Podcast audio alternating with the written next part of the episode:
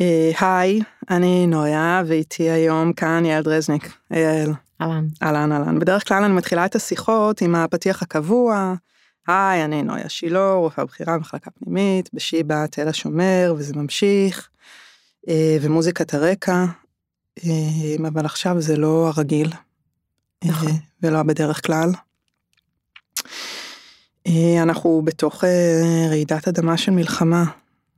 אה, שלא דומה לאף מלחמה אחרת, בזמנים שלא היו כמותם. אה, אנחנו עוברים זעזוע, כמו מבול, אה, מחפשים תיבת נוח, מגוננת לתפוס במחסה. ובימים הראשונים הייתי בהלם, רק מחלקה ובית, ואחר כך הגיעו פרקים שקבעתי להקליט וביטלתי.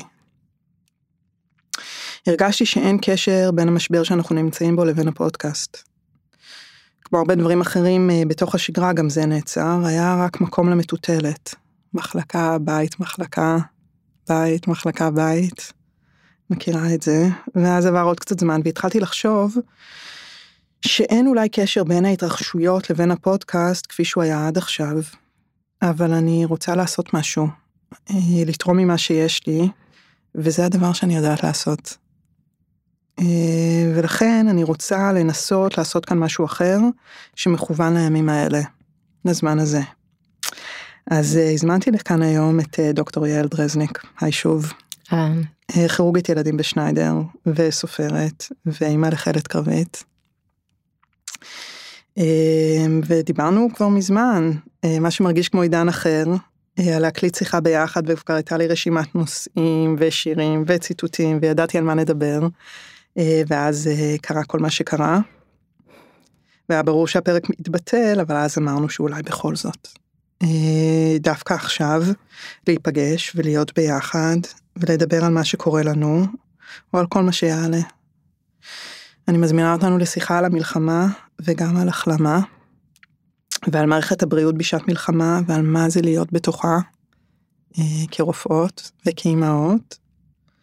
הכל פתוח. מותר לדבר על הכל.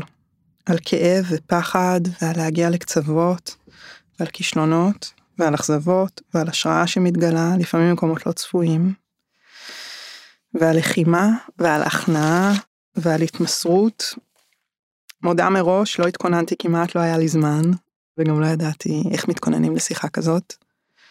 אה, אלא רק לדבר ולהקליט, ואחר כך נחליט מה עושים. אה, וזה לא במקום הפרק שעוד נעשה. אחרי הכל כשנקום מחדש. אז מה את אומרת? ספרי מה שלומך. אז אה, בהחלט אה, קשה להסביר באיזה תקופה אנחנו נמצאים, תקופה היסטורית, אה, תקופה מזעזעת. ממש נשמע, מרגיש כאילו תנכי, נכון? נכון. ממש משהו כאילו היסטורי תנכי כזה. כן. את גם מרגישה שאת נמצאת בתוך ענן ואת לא מצליחה לראות קדימה. ענן סמיך כזה כמו ערפל. כן, זו תחושה של uh, תעוקה.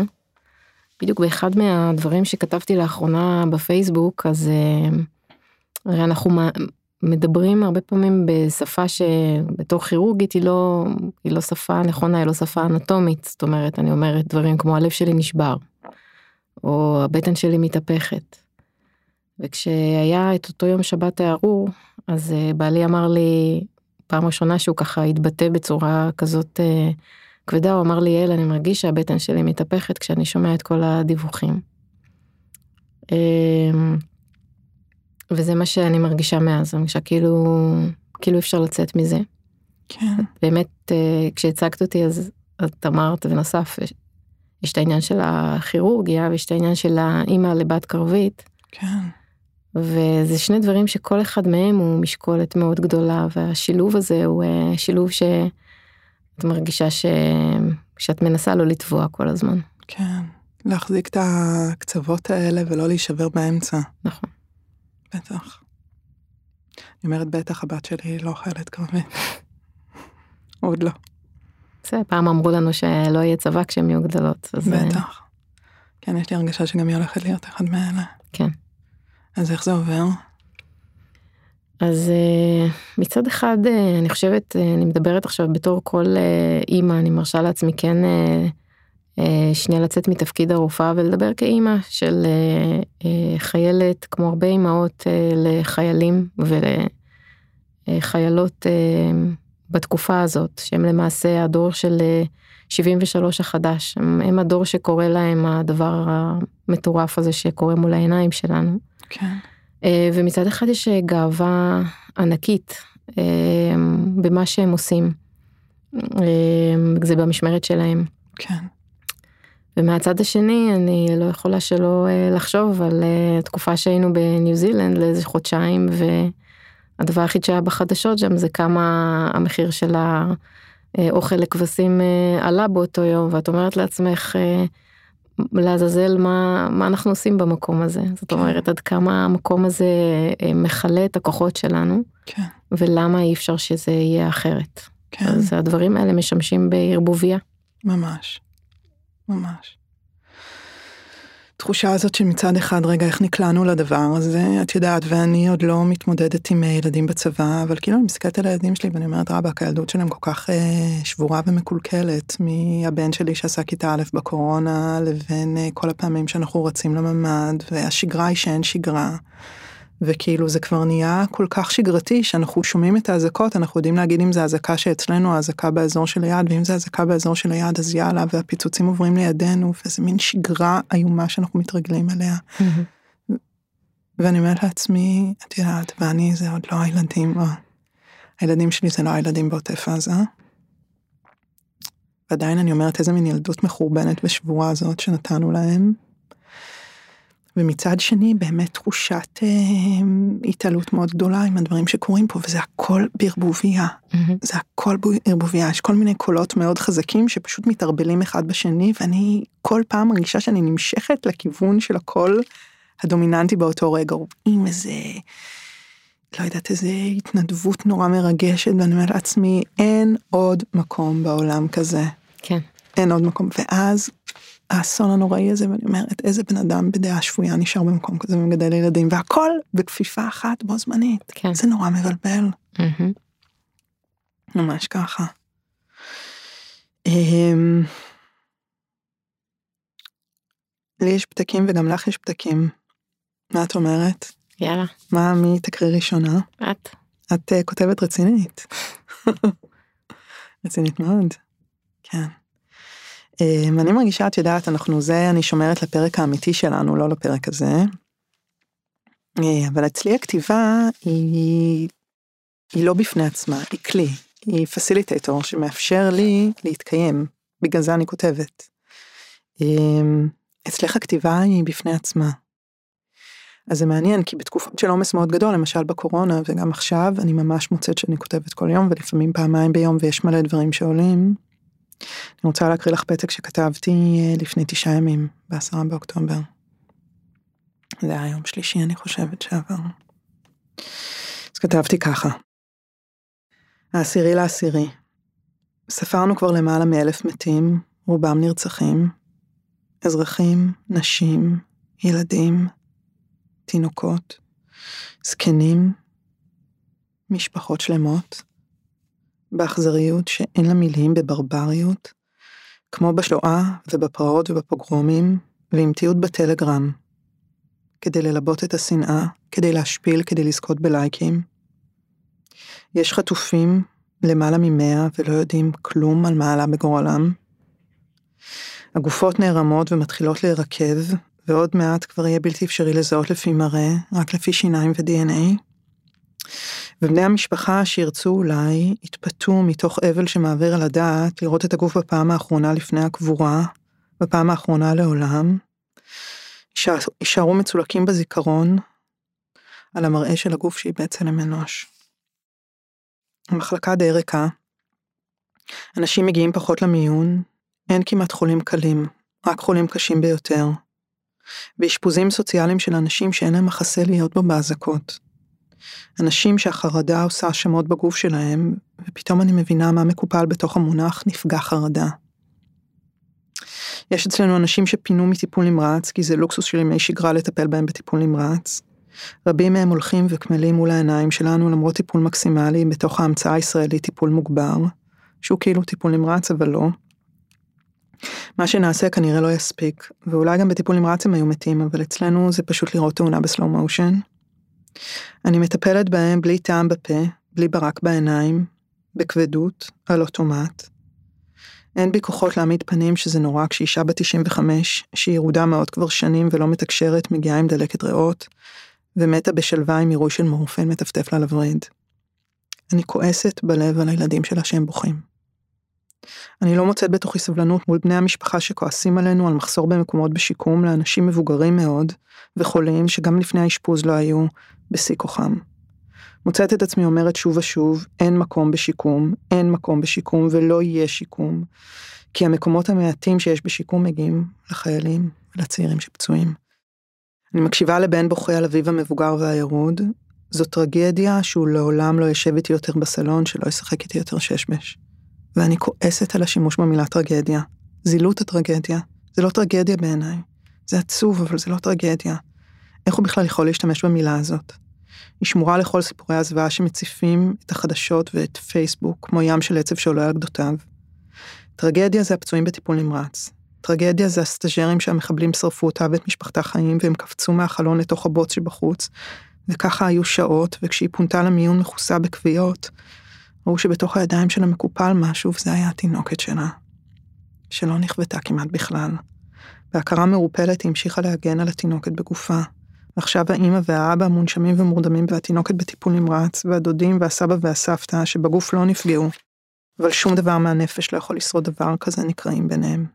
עוברים מבניין האשפוז לבית החולים לילדים ולא יודעים את נפשם. ככה הסיפורים עוברים בינינו, בין אנשי הצוות. כל אחד מספר את מה שראה בעיניו, ראה ולא האמין. טרגדיה זה התקפי החרדה שהפצועים מתעוררים לתוכם.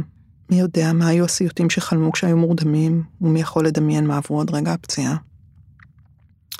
ומי שאין לו תפקיד יוצא מדעתו. התפקיד שלי הוא להחזיק את הצד שלי במחלקה. לתת למתמחים שלי לנוח לפני שהמלחמה תגיע אלינו, לשמור על הכוחות ולחכות למכה. התפקיד שלי הוא להגן על האחווה העמוקה והעדינה והשברירית בתוך הצוות של המחלקה, שנשאר אנחנו ולא נקרא למגזרים, שנזכור מי אנחנו ולא ניסחף להגדרות ונסתגר במחנות.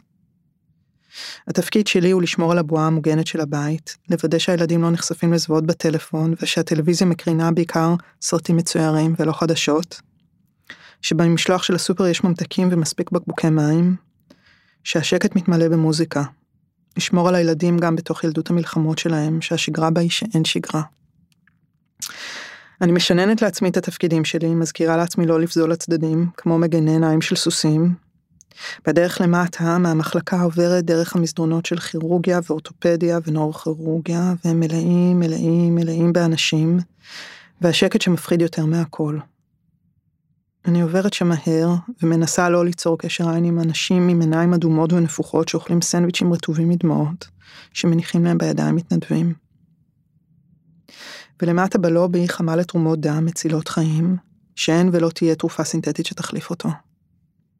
מזכירה לעצמי שהריפוי מתחיל כשמתערבב דם בדם, במגע של הבשר החשוף, פצע נוגע בפצע, ומאחה אותנו אחד לשני, כך מתחיל ריפוי. אתמול חניתי אחר הצהריים ליד הבית, ושמעתי את אחד השכנים קורא לי כשיצאתי מהאוטו. בא אליי בריצה ושאל, תגידי, אני יכול לבוא לעזור בתל השומר? להיות סניטר ולשנע חולים, להכין קפה? מה שתגידי לי אני באה לעשות. ורמי מדלג ממקום למקום, אוסף כביסה מלוכלכת של המפונים מעזה, מחלק אותה בין בתים לשכונה, מחזיר, מחזיר אותה נקייה ומקופלת, והולך לתאילנדים ונוסע לבדואים בפזורה. וזו הדרך היחידה לשמור על שפיות, לשמור על תקווה. ואני כבויה. ממש כבויה מבפנים.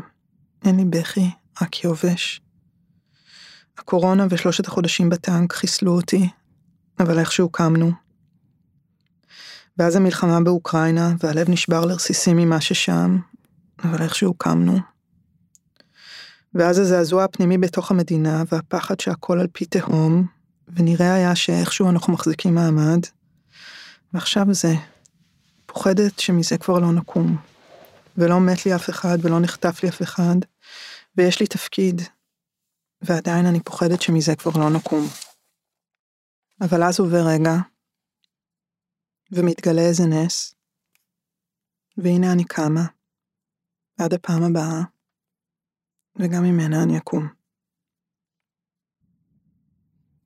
מדהים. למעשה, את מבטאת אה, המון תחושות שאני חושבת שקיימות אצל כולנו, ומדברת על אנשי צוות רפואי, כי בסופו של דבר אה, במצבים כאלה עקומת גאוס תמיד זזה קצת הצידה. כן. כמו שאני אקח, את מדברת על אותה אישה מבוגרת בת 90 שבימים רגילים אה, היית מוצאת את, ה, את האמפתיה ואת האבל האישי שלך על אותה כן. סבתא ש, שזה מאוד עצוב שהיא נפטרה. כן. כי, כי היה לה חיים אה, אה, והיא נתנה, אה, את יודעת, היא הקימה משפחה ובסופו של דבר אה, עברה דמות מן העולם. נכון, ואימא זה אימא בכל גיל, וסבתא זה סבתא בכל גיל. נכון. אבל עכשיו הטרגדיה היא כל כך גדולה שמידת ה... נקרא לזה האמפתיה שאנחנו מסוגלים אה, לחוש למקרים רגילים היא, היא זזה, היא זזה כן. קצת, הרף עלה. כן. אני נזכרת, אה, הייתי ביום שישי תורנית והגיע ילד עם אה, אפנדצית, שאני, אחד הדברים הכי שכיחים שאני מטפלת בהם ומנתחת. והאימא בכתה מרוב אה, לחץ, ובימים רגילים אני מאוד מאוד מבינה אותה באותה סיטואציה. הילד שלה עומד לעבור ניתוח בהרדמה כללית, אבל איכשהו בכל, בכל מה שעובר עלינו כרגע, אני, אפשר לומר שהייתי אמפתית כמובן, אבל באותה מידה אני חשבתי לעצמי, שנייה, אז מה עם האימא שה, שהילד שלה נהרג או נחטף? אנחנו... זה קצת אה, מערער לך את ה... בוא נאמר את המקום הבטוח שאת אה, נמצאת בו כאדם שמטפל. לגבי האמירה של אה, האם תהיה לנו תקומה, אז אני באמת מאמינה שאנחנו באיזשהו איום קיומי עכשיו. אף אחד לא יודע לצפות את העתיד, אבל אה, ברור לכולנו שזה לא מצב רגיל, זה לא עוד סבב. אבל אה, הייתה לי שיחה עם, אה, עם החבר של הבת שלי, אה, שעכשיו לא חוזרת איזה חודש הביתה, ואנחנו גם לא מורשים לבקר אצלה מן הסתם, היא בעוטף. ואמרתי לו, רציתי לעודד אותו, ואמרתי לו, אחרי חושך גדול תמיד מגיע אור גדול, זה חייב להיות ככה. המשפט שאבא שלי אמר שהייתי קטנה זה כשבחיים הנדנדה היא פעם למעלה ופעם למטה. ומדינת ישראל לא הייתה קמה אם לא הייתה שואה. אין דרך אחרת לתאר את זה. היא לא הייתה קמה המדינה הזאת, אם לא היה קורה הדבר הכי נורא לעם היהודי. כן. וגם פה אנחנו נראה את האור. זה יבוא בכל מיני אספקטים, אין לי ספק, אבל זה יגיע. זה הדרך היחידה שלי להסתכל על זה ולהבין שאני חייבת להיבנות מזה ולקום מזה. כן. אני מרגישה, את יודעת, יצא לי גם כמה פעמים, אה, אני חושבת להגיד גם פה, את העניין הזה שכאב הוא כאב. כן. כאילו האבא הארכיטיפי, שהוא קצת אה, קשה. אה, ואולי אין בו רוך, אבל בעומק אני יודעת שהוא רוצה את טובתי, והוא בא ללמד. ואת יודעת, אני חושבת שבאיזשהו מקום, את יודעת, כשהכאב הוא לא באמת מאוד עמוק, אז יש שם אולי אפילו טיפה העמדת פנים גם בשיעור שאני לומדת. והשיעורים שאנחנו לומדים זה שיעורים שכל כך היינו רוצים לוותר עליהם. אבל אחרי שהם נלמדים, אנחנו משתנים, הפלסטיות שלנו משתנה שאין יותר unlearning, אנחנו הופכים להיות משהו אחר. כן. ואת יודעת, אני נורא נורא נורא נזהרת בדברים האלה, כי מי שהיה שם וחווה את השבירה הזאת של כל היסודות של, שעליהם כאילו בנוי הבית. תחשבי שנגיד לפני אה, שבועיים מישהו היה אומר לי, בתוך מדינת ישראל יכולה להתרחש שואה. ב-2023. מהמם. זה בלתי מתקבל על הדעת. או שהיינו אומרים קורה משהו והצבא לא מצליח להגיב שעות. ולהגן על אזרחים בתוך המדינה. אה, או שהיו אומרים לך, אה, חפים מפשע בסדר גודל כזה ייפגעו. כן, זה בלתי נתפס. בלתי נתפס. אז, אז בעצם כל היסודות שעליהם העסק בנוי נשברים. אמ, אז אני מאוד מאוד נזהרת, כי לא אני הייתי זאת שחוותה את זה על בשרה. אז כאילו, באמת. חוץ מ... אה, אה, להוריד את עצמי מול האנשים האלה ולהציע כל מה שיש לי לתת אה, ולשלוח הרבה מחשבות טובות ומחזקות מרחוק ולהתפלל בשביל כולנו. אין לי באמת זכות דיבור שם ועדיין אני יודעת מהכאבים הפרטיים שלי בחיים שהכאב שמוריד לברכיים הוא גם זה שמרים. כן. זה מין חוק טבע כזה. הלוואי. אמן. את יודעת, אני מרגישה שהתפקיד של מערכת הבריאות הוא כאילו, את יודעת, רק על עצמי לספר את דעתי, מן הסתם, ואני רואה הרבה מאוד דברים דרך הפריזמה של מערכת הבריאות. אבל מערכת הבריאות, יש לה שם, יש לנו שם הרבה מאוד רבדים של אה, תפקידים ואחריות. Mm-hmm. איך את רואה את זה? אמ, בדיוק, אה, את יודעת, דיברנו על אה, מטוטלת כן. בתחילת, ה... בתחילת הדברים. אז גם, אמ, גם למצב כמו שהוא עכשיו, יש איזושהי מטוטלת שאנחנו עכשיו נמצאים בצד השני שלה ואני אסביר למה אני מתכוונת. אנחנו כולנו זוכרים את היום הראשון של הלחימה ואת המאות פצועים שהגיעו לסורוקה ולברזילי. וגם אלינו הייתי כוננת באותו יום. וגם לשיבה בדיוק. מאות פצועים. אבל זה היה ברמה של, את יודעת, תמיד ככירורגית את uh, מתכוננת לאירוע רב נפגעים והייתי בכמה אירועים uh, כאלה בחיים שלי. זה תמיד כאוס, תמיד את יודעת, מגיעים אליך כמה פצועים קשה בו זמנית ואת מנסה לראות איך את אה, נותנת לכל אחד את הטיפול מציל חיים שהוא צריך, וזה תמיד תמיד תמיד מלווה בכאוס בלתי רגיל, אבל מה שקרה כאן זה היה בלתי ניתן בכלל, את יודעת, אה, קשה מאוד לנהל כזה דבר בכל מדינה הכי מתקדמת שתהיה. ברור. אה, ועכשיו אנחנו בצ... בצד ההופכי, במובן הזה שיש המון יוזמות שלא נהיה שם, זאת אומרת, אה, אני עכשיו קיבלתי עדכון על זה שרוצים לשלוח צוות של רופאים לאילת, אה, לתגבר את אה, אילת, ואנחנו מדברים על צוותים של תגבור לסורוקה ולברזילי ולצפון, ונשאלת השאלה, כשאת, השאלה הכי חשובה בהקשר הזה, האם אנחנו לא עושים פול גז בניוטרל, והאם אנחנו באמת יודעים לנהל כזה דבר עצום, אה, מבעוד מועד? זאת שאלה מאוד לא, לא קלה. וואו, אה, קטונתי. כן. אז אה, אנחנו אפילו, אתה יודע, תוכניות אה, עבודה שאנחנו כותבים מהיום למחר, ומנסים לאמן את הצוותים אה, למוכנות לטראומה, בסופו של דבר אירועים כאלה תמיד יתפסו אותנו באיזושהי רמה אה, לא מוכנים. והשאלה באמת איך אנחנו משקיעים את המשאבים ואיפה אנחנו משקיעים את המשאבים שלנו הכי נכון. אני זוכרת שכשהתנדבתי למילואים עד, עד לפני uh, כמה חודשים. וואלה, איפה? הייתי בפלהק uh, שריון, זאת אומרת בפלוגת החייאה קדמית, הייתי שם רופאת uh, טיפול נמרץ. וואלה. ובשלוש שנים האחרונות הייתי מדריכה של ATLS, אני ממשיכה לעשות מדי פעם, זה mm-hmm. הדרכות בעיר באדים. Mm-hmm.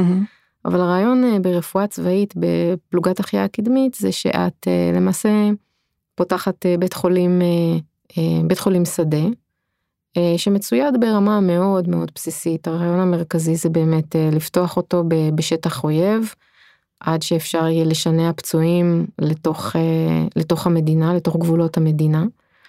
ואני זוכרת שתמיד שאלתי את עצמי מה הדבר הנכון, כי בעיניי הדבר הנכון זה כשיש לך פצוע בשטח, להטיס אותו כמה שיותר מהר למרכז טראומה שלישוני. אה, וכל הקונספט הזה של בתי חולים שדה שאת דווקא משהה את הטיפול.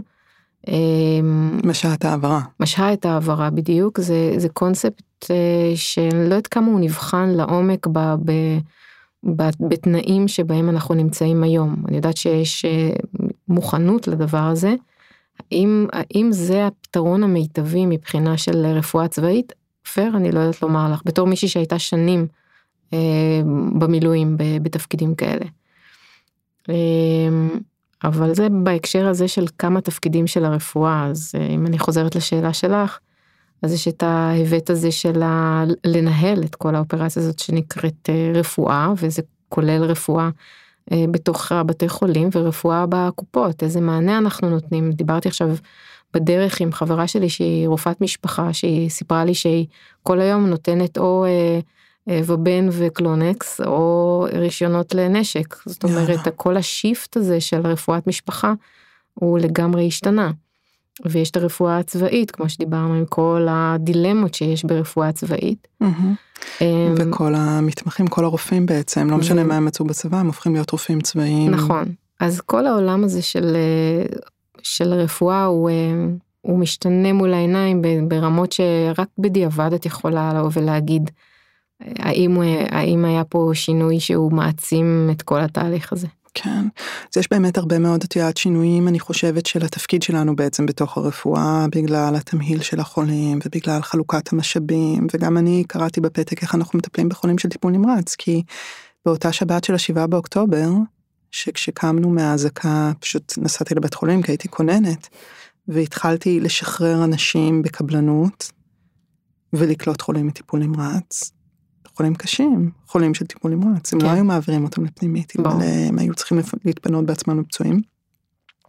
באמת יש שינויים מאוד מאוד גדולים בתמהיל, יש אזורים שעובדים מאוד באינטנסיביות בדרום, יש אזורים שפשוט די מושבתים, mm-hmm. מחכים לראות מה יגיע. Mm-hmm. יש את המרכיב הזה. אני מרגישה שיש שני דברים שבעיניי מאוד מאוד מרכזיים, ואני סקרנית לשמוע מה את חושבת עליהם. הדבר הראשון זה באמת המקום של הרפואה בתוך החברה, של מערכת הבריאות בתוך החברה. שזה גם מה הרפואה הציבורית בתוך החברה הישראלית, שזה דבר עצום, וגם מה המקום של הרופא או הרופאה, איש או אשת הרפואה, בתוך החברה שלנו.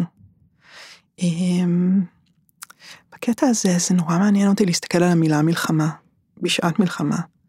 כי המילה מלחמה מקפלת בתוכה כל כך הרבה דברים אחרים, נכון? דיברנו בפתיח על מלחמה והחלמה, וגם חמלה, וחלום, וגם הלחם והמלח. הכל מקופלים בתוך המילה מלחמה. כל ההפכים האלה גרים ביחד.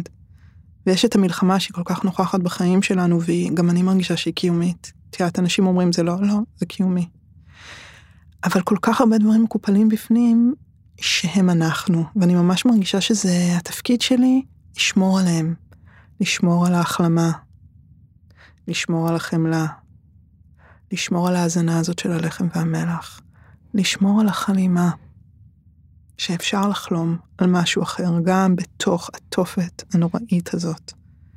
זה נורא קשה, ככל שנמצאים בתוך התופת זה עוד יותר קשה, אבל כאילו אפילו לשמור על הזיק הזה, על הניצוץ הזה, על המשהו הקטנטה, על הפוטנציאל. Mm-hmm. זה אני ממש ממש מרגישה שזה המקום של הרפואה, ואני כאילו שומעת על מי שעכשיו בחזית, רופאי הטיפול נמרץ והכירורגים ואנשי הטראומה, שיוצא לי לפעמים לתפוס את החברים שלי מהם ולשמוע מהם, הם ממש האור של הדבר הזה בשביל המטופלים שלהם. כן. זה ממש אני מרגישה ש... זה התפקיד של, כאילו הריפוי של החברה הוא דרך זה שאנחנו מחזיקים את כל הדברים שמקופלים בתוך המלחמה ושומרים עליהם, אנחנו הכספת ששומרת על זה לכולם. נכון. אני ממש מרגישה את הדבר הזה והוא מאוד מאוד נוכח. זה דבר אחד.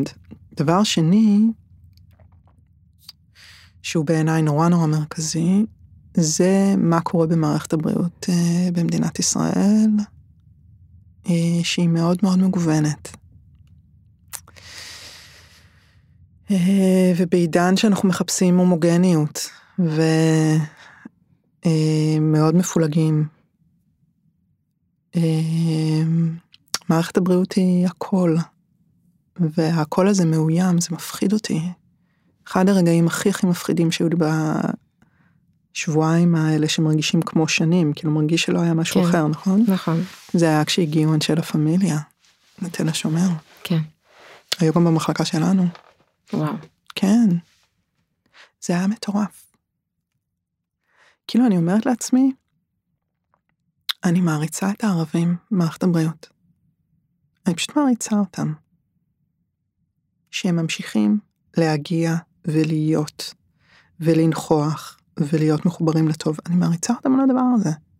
כאילו, אני אומרת לעצמי, כמות החשדנות, והפחד, והשנאה. כאילו המון פורע של מאות אנשים נכנס לתוך תל השומר, עובר בתוך המחלקות, צועק מוות לערבים. זה כאילו שאני אעבוד בחו"ל ויבואו, לא יודעת מה, אה, ניאו-נאצים, או KKK, ויצעקו מוות ליהודים. זה אותו דבר. כל המבטים המאשימים האלה זה כאילו אני אעבוד בחו"ל, וכולם הסתכלו עליי כאילו אני פרעתי בחווארה. צריכה להתנצל, זה לא, זה לא אני, זה לא אני. זה לא אני פרעתי בחווארה, אני נגדם, אבל כאילו אפשר כל החיים להתנצל על משהו שלא עשיתי? ואני פשוט כאילו מעריצה אותם. ואני ממש מרגישה שחלק נורא גדול ממה שאני עושה עכשיו, ואולי הוא לא מתורגם לעשייה, אבל כאילו מנטלית, זה...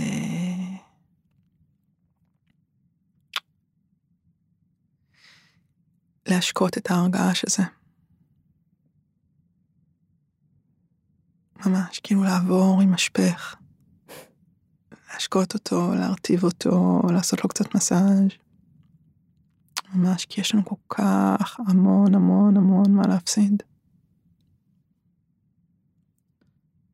מעבר לעובדה, את יודעת שמערכת הבריאות לא יכולה להתקיים בלי כל המגזרים במדינה. ברור, אין מערכת בריאות בלי ברור, נשים, גברים, חילונים, דתיים, חרדים, ערבים, נוצרים, אין מערכת בריאות, אין, גם ככה אנחנו מתוחים לקצוות. פתאום מגזר אחד מחליט שהוא לא מגיע יותר, הלך על כולנו. כן, אבל מעבר לזה, זה חברים שלי שאני אוהבת. כאילו, אוי ואבוי אם יבואו לעבודה וככה הם ירגישו, אוי ואבוי. בהחלט, ממש מרגישה שזה כאילו התפקיד, אני ממש מרגישה שזה התפקיד שלי בזמן הזה. כאילו, אני עושה את זה איך שאני יכולה.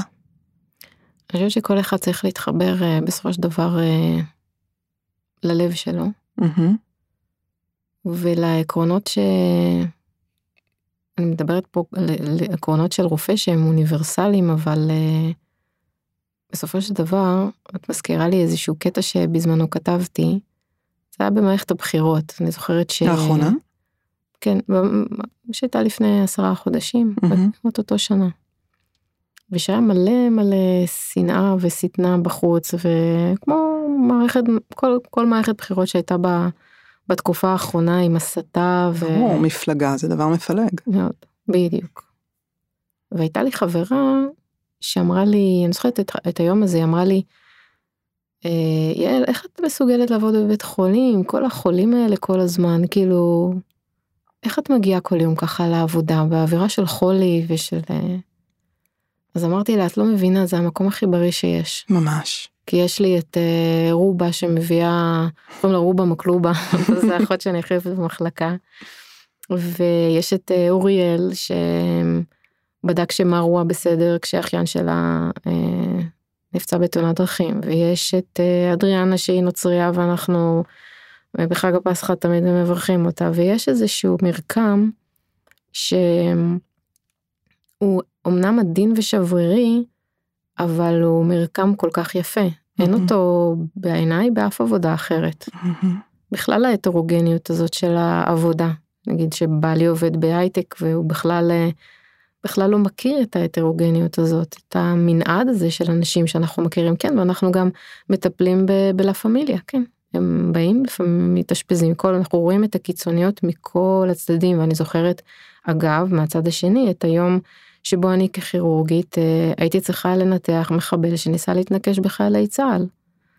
ואת אה, שואלת את עצמך, אה, איך את מרגישה עם, ה, עם הרגשות האלה שאת צריכה לדחות ניתוח של תינוק אחר בשביל להכניס את המחבל כי הוא יותר בסכנת חיים ולמה.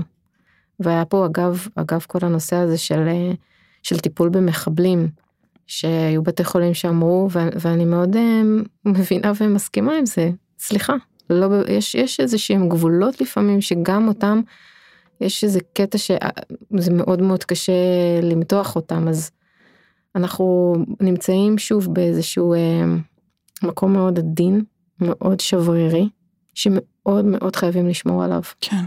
זה מה ששומר על בית החולים המקום בעצם הכי בריא שיש כן. בחברה שלנו. כן.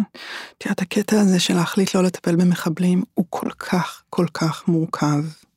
את יודעת, ואני משתדלת לא להיתפס בתוך הטהרנות של אה, שבועת הרופא, שיכולה להגיע לפעמים לקצוות שהם אבסורדים, נכון, ובוודאי לא על חשבון נכון. פצוע, מצד שני. ויש פה מצד שני שאני רוצה להגיד אותו. זה הופך להיות מד- מדרון מאוד מאוד חלקלק. נכון, כי אני גם הרופאה, גם השופטת, גם התליינית, כאילו מי שם אותי? דבר שני, הכאוס של הרן, המון לא ידוע. נכון. המון המון לא ידוע. אני חושבת שהוא מחבל, אולי הוא לא מחבל, אולי הוא ערבי ישראלי שבא לעזור, אני לא יודעת. לא, ברור, אני חושבת... ונגיד שהוא כן מחבל, נגיד נציל אותו, יחקרו אותו, יגיע משם מידע מציל חיים. זה כל כך פלטל, ואני מאוד. חושבת שבסיטואציה כזאת, עוד להעמיס עלינו בסוגיות אתיות, כן, זה בלתי ניתן להכלה, זה לכשעצמו מסיט אותנו מהעשייה שלנו. נכון, כל כך מורכב, אני ממש לא מתיימרת לתת פה, ואני יכולה כל כך להבין, כל כך להבין, רופאים שאמרו, "לא, לא, פשוט לא. כן. אנחנו לא מוכנים, יש לנו גבול אדום, אנחנו לא, יש לנו קו אדום, אנחנו לא רובוטים שאתם משתמשים בנו איך שאתם רוצים ועכשיו נכון. תעשו, זה כל כך מורכב, והתקופה הזאת מביאה אותנו למורכבויות נורא נורא גדולות. את יודעת, היה לי השבוע, אה, מבין החולים שעברו אלינו מטיפול אה, נמרץ ומילאו את הטיפול המוגבר, אה, שכבו השבוע אחד ליד השני, גבר חרדי, חולה מאוד שקרס בבית. אה, ולידו אישה ערבייה, שניהם פחות או יותר בני אותו גיל, גם היא קרסה. שניהם היו מונשמים ומורדמים. וממש הרגשתי את הדינמיקה שבין שתי המשפחות האלה. ממש הרגשתי, הם כאילו, אה, הם היו ממש אה, מיטה ליד מיטה, ואומנם יש כאלה איזה תאים עם קירות כאלה, אה, קירות אלומיניום כאלה ביניהם, מין פלסטיק כזה, אבל הם, הם קלטו אחד את השני, וכאילו קלטתי את הדבר הזה נורא בעדינות, ואולי תמללתי אותם מתוך רחשי ליבי, אני לא יודעת. אבל קלטתי את החרדים מתרכזים עליי, שאני פונה קודם לערבים. מהמם. והערבים האלה, אני מכירה אותם הם דרוזים, והבן שלהם הוא רב סרן, הוא עכשיו במילואים, מהמם. ואני קולטת כמה הם מפוחדים, ויש בהם עדינות נורא גדולה, והם כאילו לא יודעים מאיפה להתחיל להגיד, והם כאילו עובר להם בראש. אולי הם לא יטפלו בנו עכשיו, וואו, אולי הם יטפלו לנו פחות טוב. וממש אני מרגישה את, ה, את הזרמים האלה, כן. שהם סוחפים.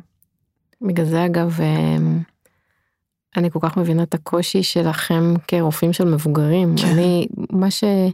מה שאני אוהבת במקצוע שלי זה שילדים זה דבר טהור. כן, תינוק בפגייה שיש לו מום, זה לא משנה לו כרגע באיזה דת הוא.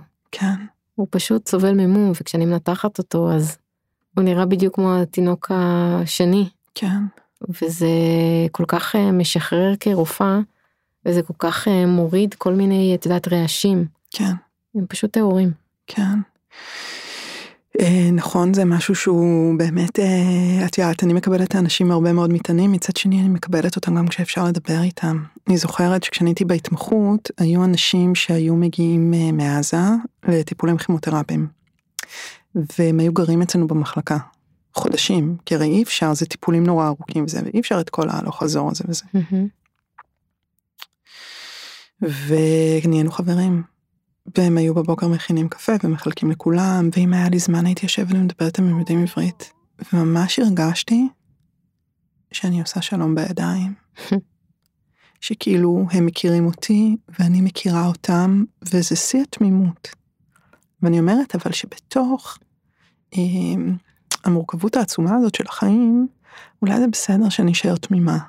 אני לא איזה גנרלית, אני לא איזה פוליטיקאית. מותר לי להיות תמימה, וכאילו להחזיק את המקום הזה של שהוא מאוד מאוד תמים, שהרפואה תחבר בינינו, שנעשה שלום בידיים, שאני אכיר אותם, והם יכירו אותי, ונשתה ביחד קפה, ונבלה ביחד חודשים.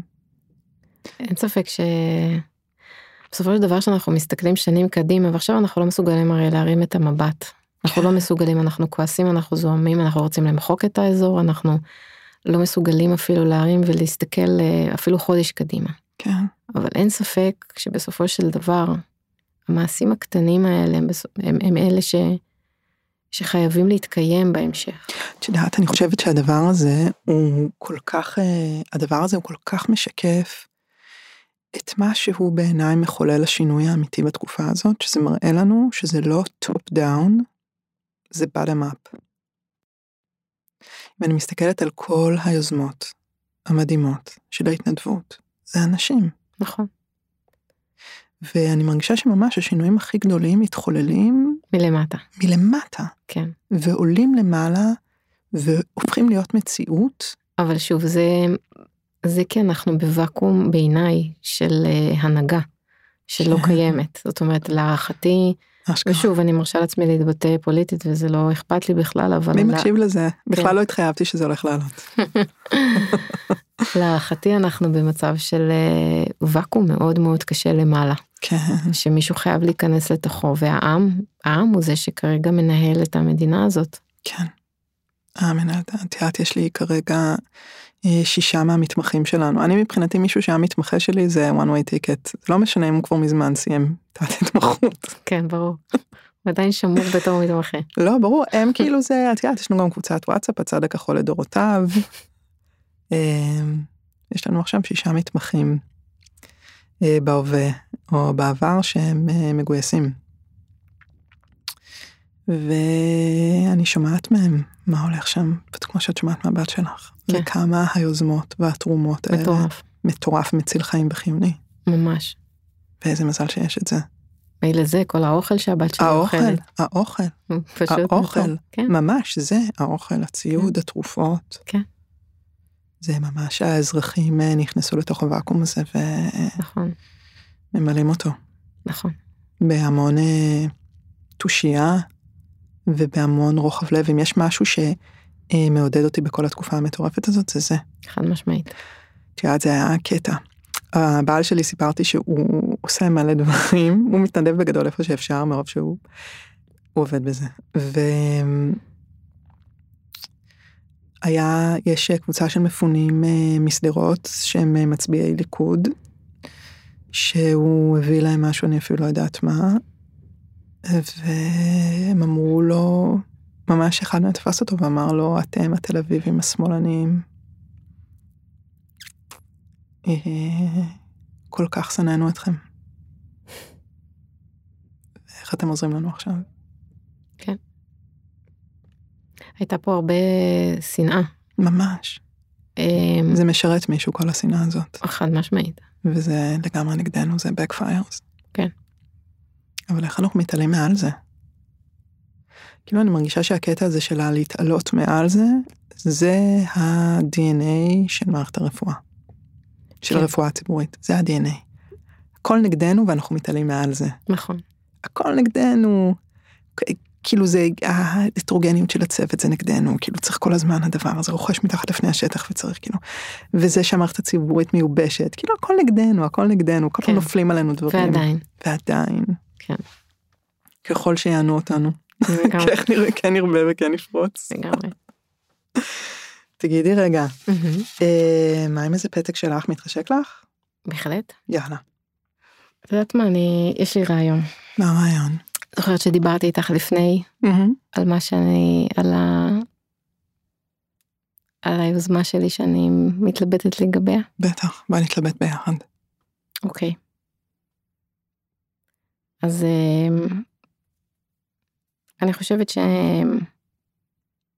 שאני אקרא חלק מזה ו... ונתלבט ביחד. יאללה אז קודם כל אמ, אני מאוד שמחה שאני כאן ביום הולדת שלי. אמרו לי שגיל 45 זה לא גיל רגיל, אני מנסה לחשוב מדוע, האם זה בגלל שזה חצי מ-90 וזה מעורר בי חרדות. אני בתור מישהי שהיא בת 45 כבר שמונה ימים אני יכולה להגיד לך שאני מרגישה שינוי דרמטי בחיים שלי. אז אמ,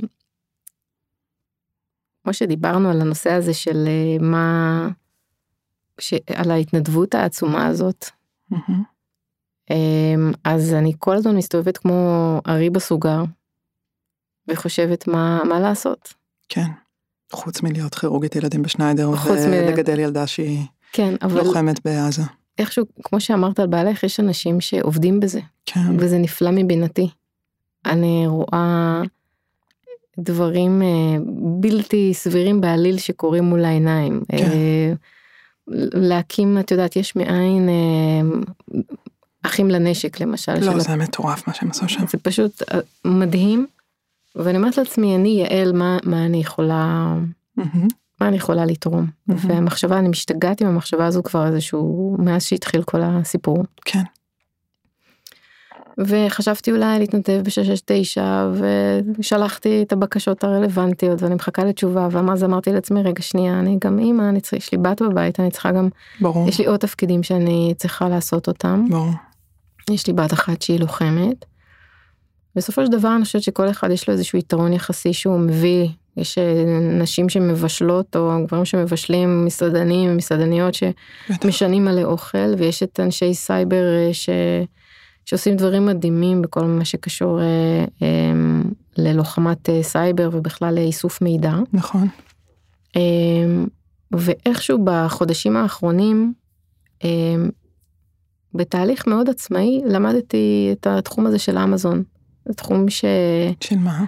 של פשוט להוציא ספר באופן עצמאי שם. אחרי שהוצאתי את הספר, ה- את הספר שלי בעברית בידיעות, מהמם. בידיעות ספרים, את 26 שעות. כן. כן. אז אמרתי לעצמי, אני רוצה שגם מתמחה באנגליה תקרא מהמם, על, בטח. עלינו, כי כולנו עושים בכל מקום בעולם את אותו הדבר, בוודאי. נכון? כולנו בשעה 4 בבוקר מעירים אותנו בשביל מטופל שמגיע למיון. ו... אתה מקללת היום. וכן. מתפללים שהאמבולנס הוא כירורגי ולא פנימי. בדיוק. אמ, ולכן זה הרגיש לי אוניברסלי. אה, והספר הזה הפך להיות אה, ספר באנגלית והוא במקום ראשון ברבי מכר בקטגוריה של כירורגיה. שזה, מטורף. זה ממש מטורף וזה מדהים מבחינתי שזה ממשיך זה לא יורד מהרשימה. מדהים. זה פשוט מקום ראשון בסלר. מדהים. איזה הישג מטורף. זה, זה כל כך מרגש, ולא כי אני איזושהי כותבת מכוננת, ממש לא. הרעיון בחיים, בעיניי, איך שאני מבינה אותו, משהו שאמר אה, אה, טיריון לניסטר, אם יצא לך אה, לראות את משחקי הכס, לא. הפרק האחרון. יש לי שם חורים בהשכלה. אז הוא אומר שם משהו שמאוד תפס אותי. מה שחשוב בחיים זה איזה סיפור את מספרת לעצמך. לגמרי. ו- העולם לא בנוי מאטומים, הוא בנוי מסיפורים. נכון. ויש כל מיני משפטים, fake it until you make it ודברים כאלה, אבל בסופו של יום, בסופו של יום, מה שמשנה זה מה את מספרת לעצמך, והאם את שלמה עם, עם הסיפור הזה שסיפרת לעצמך. ממש. והרעיון הזה בלספר סיפורים, אגב, הנושא של הפרק הזה של הפודקאסט, הנושא של מלחמה והחלמה, מהמם. זה איך אנחנו מביאים את הסיפורים של האנשים האלה שחוו את כל מה ש... שקרה עכשיו.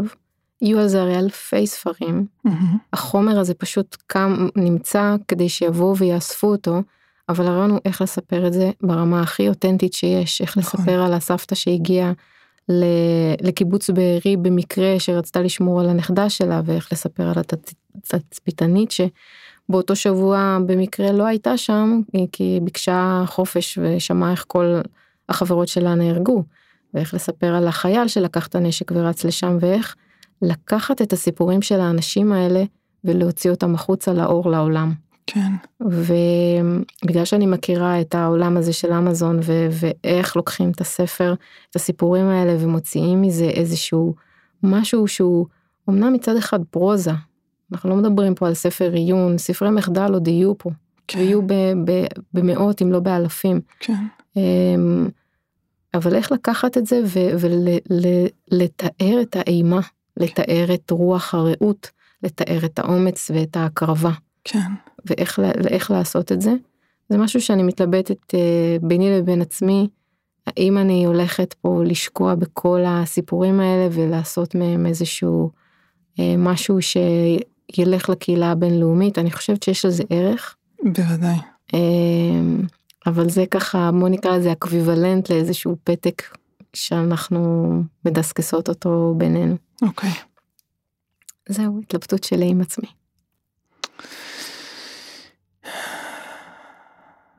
זה נורא מעניין, כאילו, את יודעת, התהליכים המקבילים האלה שעברנו שהם נורא דומים. אמרת מה אני יודעת לעשות, אני יודעת לכתוב, אני יודעת להוציא ספר באמזון.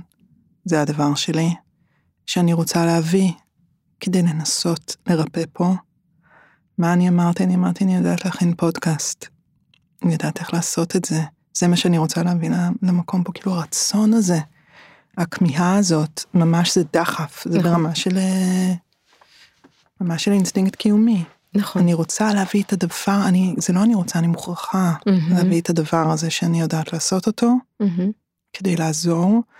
אני חושבת שזה רעיון מאוד מאוד חזק, אני מבינה את החשש שלך, מפני זה שהמשמעות של זה, זה יהיה שאת כאילו so called אה, תוצפי, או לא so called, הלכה למעשה תוצפי בסיפורי האימה האלה. כן.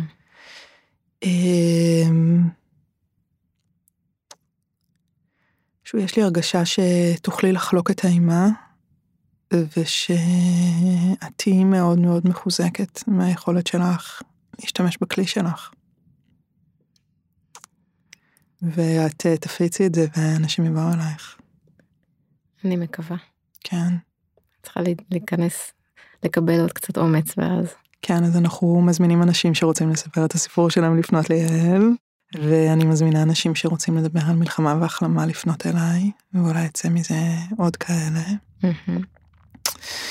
אה, אולי את יודעת, יש את הקטע הזה שבסוף הפרק זה ממש חזק ממני, אני מזמינה, אה, אני מזמינה אותך לשאול אותי משהו או להכניס משהו לשיחה שלנו, את רוצה? כן. בבקשה. סיפרת לי בהתחלה וזה ישב לי בראש. כן, סיפרת לי בהתחלה על אה, זה שיש לך אה, ילדה שהיא טינג' בבית, כן, שתיים. שתיים, אבל אחת שהיא קצת קרובה לגיל צבא. כן, 16 וחצי. רציתי לשמוע ממך על התחושות שלך בעקבות זה שהיא מתקרבת לשם. קוראים לה אביגיל. תמיד אמרנו לה שזה שם של טייסת.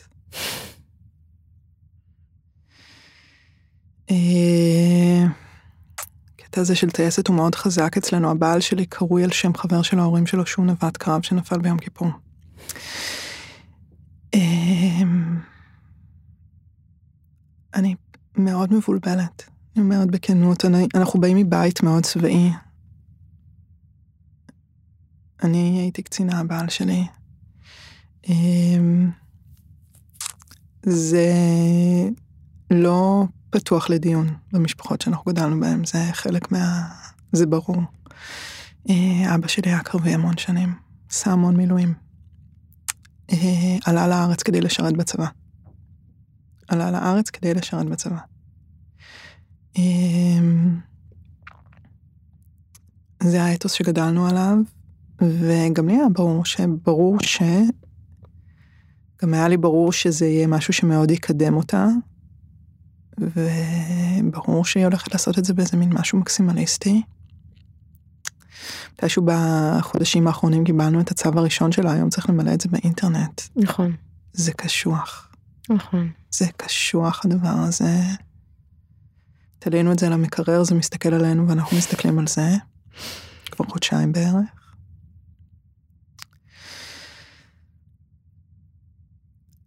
לא מזמן היא אמרה לי שהיא רוצה ללכת לעשות שנת שירות. אמרתי לה שאני חושבת שזה רעיון נפלא. כי זה דוחה את הקץ. אני חושבת שזה גם כי זה דוחה את הקץ, גם כי זה ממלא באיזשהו תוכן זה שהוא. מאוד ערכי. אמ, יש לי חשבון פתוח עם המדינה עכשיו, בעיקר עם ההנהגה שלה. כן. יש לי חשבון פתוח שם, בעיקר שמחה שהיא בת, שהבן שלי יותר קטן, אבל זה לא אומר כלום בימינו, נכון. זה לא אומר יותר כלום. אה, אני לא יודעת, אני, את יודעת, בא לי לחבק אותך על מה שאת עוברת עכשיו. לא יודעת. אני, אני בעיקר לא יודעת, זאת האמת. בעיקר לא יודעת. לגיטימי, תשובה לגיטימית. יש לי שני שירים, ואני לא יודעת איזה אני אקריא. אז אולי אני אקריא את שניהם. מה את אומרת? אני בעד, יאללה. את אוהבת שירים? מאוד. גם אני. גם השירים לפודקאסט כאילו נופלים עליי. פתאום, אה, וואו, זה פשוט בא אליי, זה לא שאני פותחת ספרי שירה ומחפשת, פתאום זה בא אליי. טוב, אז השיר הראשון זה של יהודה עמיחי, זכרו והזכירו. ואתם זוכרים רק פנים. אל תשכחו את הידיים המושטות, ואת הרגליים הרצות בקלות, ואת המילים. זכרו שגם היציאה לקרבות נוראים עוברת תמיד דרך גנים וחלונות, וילדים משחקים וכלב נובח. זכרו והזכירו לפרי שנשר את העלים ואת הענף. הזכירו לקוצים הקשים שהיו רכים וירוקים באביב. ואל תשכחו שגם האגרוף היה פעם יד פתוחה ואצבעות. ומתוך, אני חושבת, פתוח סגור פתוח. לא הכרתי. כן. מאוד יפה. בטח. שגם האגרוף היה פעם יד פתוחה ואצבעות. כן. והשיר השני, אה, כתבה אותו עידית ברק, קוראים לו ענף. אה, זה מדהים. כן. רוצה להקריא אותו את? כן. יאללה, בבקשה. זה שיר שאני שולחת לאימהות, אני בעבודה שלי אני מתעסקת בעיקר בגידולים, זאת אומרת אני כירורגית אונקולוגית. אלוהים, של ילדים. של ילדים. ויש ילדים שמגיעים אה, שהם כבר ב stage מתקדם. כן. ואחד הד... השירים שאני שולחת לאימהות, אני תמיד לוקחת את הטלפון שלהם ו... וזה אחד הדברים שהכי מדבר אליי זה השיר הזה של עידית ברק. ענף. כמו בכל משבר, יש להיאחז בענף הקרוב, לא להיסחף בנהר, לא לטבוע. צריך לבחור היטב, שיהיה בהישג יד, שלא יהיה דק מדי, שיחזיק את משקל הגוף והנפש לאורך זמן. כמו בכל משבר, לגלות בסופו שאת גזע. וזה מאוד, אה, מאוד מתחבר לי עם האימהות האלה של הילדים האונקולוגיים, שהם צריכות להיות גזע. ואגב, כולנו עכשיו צריכים להיות גזע. מהמם. פשוט חייבים. כן, כן, כן, כן, זה לא הזמן להרפות. לא. יש, אה, יש להרפות ויש להילחם. נכון, להילחם ולהלחים נכון, ולחמול ולחלום. בדיוק. יעל דרזניק, תודה רבה שבאת להיות איתי. המון תודה. המון המון המון תודה ובהצלחה ואורך רוח. התרגשתי מאוד. גם אני. תודה רבה רבה.